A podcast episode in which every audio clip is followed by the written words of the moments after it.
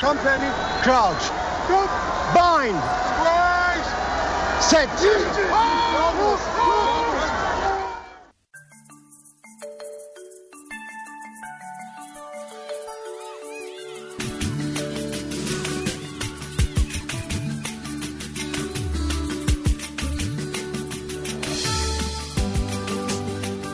Vandag kyk ons na die helde van die Wêreldbeker toernooi van 1995. In hierdie episode in ons voortgesette reeks oor die Rugby Wêreldbeker, gaan ons voort om te kyk na spelers wat hulle merk gemaak het in die toernooi. Dis nie Seeland wat moet terugval, dis Jeff Wilson dan word hy pragtig opgetel.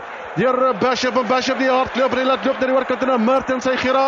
Dan word hy gedryf deur Michael Brewer. En Michael Brewer hy word vasgevat teen aan die kantlyn oorkant van die veld, dis halfpad in die kwartlyn en die midlyn. Dis Bishop wat die bal gaan kry, laat loop na Walter Little nie dis kant van die veld.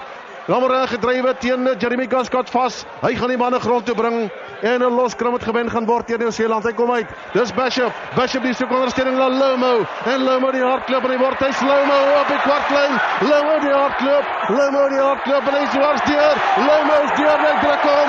Hy het drie manne geklop. Hy het drie manne geklop en Lomo is deur net druk hom. Ja, Henry gaan nou moet jy kyk wie is die drie manne wat hy geklop het. Dit was eerstens Will Carling. Toe was dit Michael Cat. En dit lyk vir my asof ook Rob Andrew is die derde man wat probeer keer het. En dit is Lomo wat 'n skitterende 3 maar Nieu-Seeland wat van die begin af van die eerste minuut af dadelik en dis maar 2 minute speeltyd verby. Dis Bishop wat die bal kry vir die loskram of hy laat loop na Lomo. En Lomo die klink hy klop eers daar vir Tony Andrew dan klop hy vir Carling en hy klop daar vir Michael Cat. Hy's byna op sy knieë Michael Cat. Dan trap hy oor Michael Cat en hy val oor en Lomo druk hom.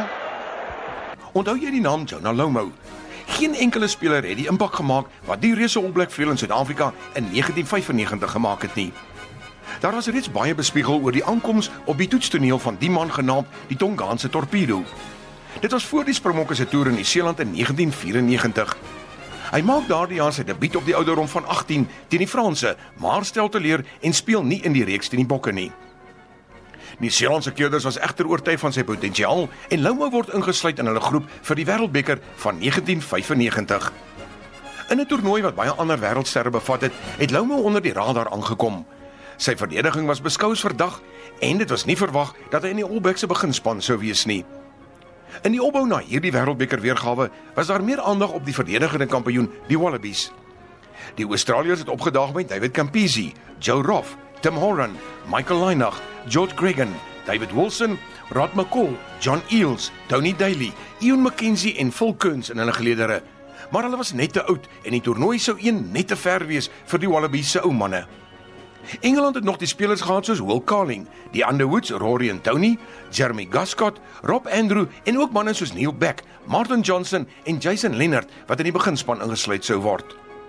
Frankryk het met Philippe Saint-André, Emile Ntemak, Philippe Sella, Terry Lacroix, Adelef Madazi, Philippe Benetton, Marc Sissignon, Laurent Cabas en Oliver Roma wat almal die media geïnteresseer het.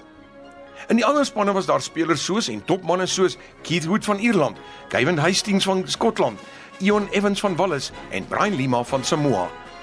Suid-Afrika was vir die eerste keer in die kompetisie en ook 'n onbekende faktor.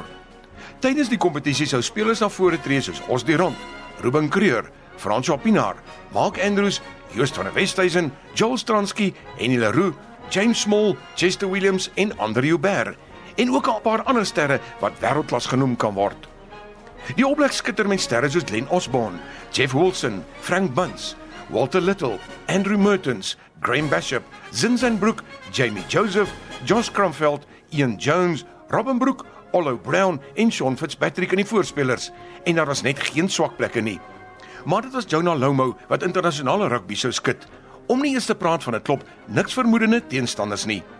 Lomo het 7-3 in 5 wedstryde gedruk, insluitende 4 teen Engeland in die halfeind op Nieuweland. Een van hierdie het die potensiaal om in die top 10 van alle tye te bly. Uit die bal wyd gekry, 'n klop teenstanders met swenk en dartelstappies geklop, maar toe bo-oor en reg van voor oor die Suid-Afrikaansgebore Mike Cat gehardloop op pad doellyn toe. En die vaste skrim Dewey Morris wat met ingooi. Hy gooi aan opgetel deur Dean Richards. Dean Richards laat loop na Dewey Morris. Hy soek af vir Ben Clark aan die oorkant en dan word hy afgeneem na Lomo. Lomo op die 10 meter stippellyn. Lomo op die kwartlyn. Lomo die hardloop. Lomo hardloop dwars deur 304. Heinrich sy spoed Daardie swing van hom is eenvoudig verstommend. Hy het vir Tony Underwood afgestamp aan die oorkant. Dit was Michael Cat wat voor hom was en net 'n uh, aftrap na binne en na sy regterkant toe en hy's by Michael Cat verby en hy gaan druk sy 4de3. Engeland wat beheer, Dewey Morris is om kry, dan word hy afgeneem, afgeneem deur Bishop wat loop nou Loma, hy's verby Underwood aan die oorkant, Tony Underwood. Dan sny hy eenvoudig binnekant toe verby Michael Cat aan sy binnekant kom hy verby en Loma die hardloop en hy druk vir hom met die grootste gemak 3 nommer 4. Lomo was 'n frats, 'n man so groot soos 'n voorspeler, maar met die spoed van 'n vleuel. Op 1.96 meter lank en teen 120 kg was hy nog steeds in staat om die 100 meter in 10.8 sekondes te hardloop. Lomo se sterk kwaliteit het die aandag van die media magnaat Rupert Murdoch getrek en hy verkry die eienaarskap wat genoem kan word Brand Lomo wat ook die sleutel tot professionalisme sou wees in 1996. Vandag se spelers verdien groot geld en dis te danke aan hom. Lomo druk 8-3 in die volgende Wêreldbeker toernooi in 1999, maar ongelukkig word hy getref deur 'n siekte op die hoogtepunt van sy loopbaan. Lomo was gediagnoseer met 'n seldsame niersiekte. Hy moes dialyse ondergaan en uiteindelik 'n nieroorplanting kry.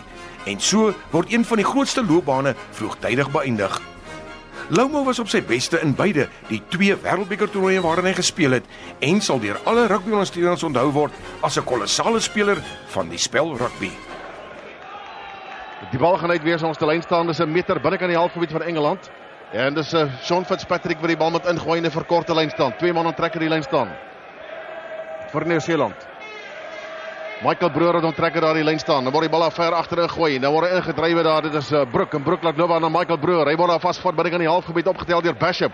Bishop hy laat loop na Mertens. Mertens is binne kan die halfgebied van die Sela gee tiks kom hier daar vir Jonah Lomo en die oorkant is Michael Cat en Jonah Lomo. Dan word opgestel deur Walter Little nou. Grondveld na Lomo. Lomo die hardloop en hy's deur net om. Met Wolf calling on sy enkels is Lomo deur net druk om. Van die afskop af. Ja, in hierdie geval was dit 'n laag pad wat gewerk het, maar Jonah Lomo was reeds op die doellyn gewees en sy derde 3 wat hy druk in hierdie wedstryd. 3-3 reeds agter sy naam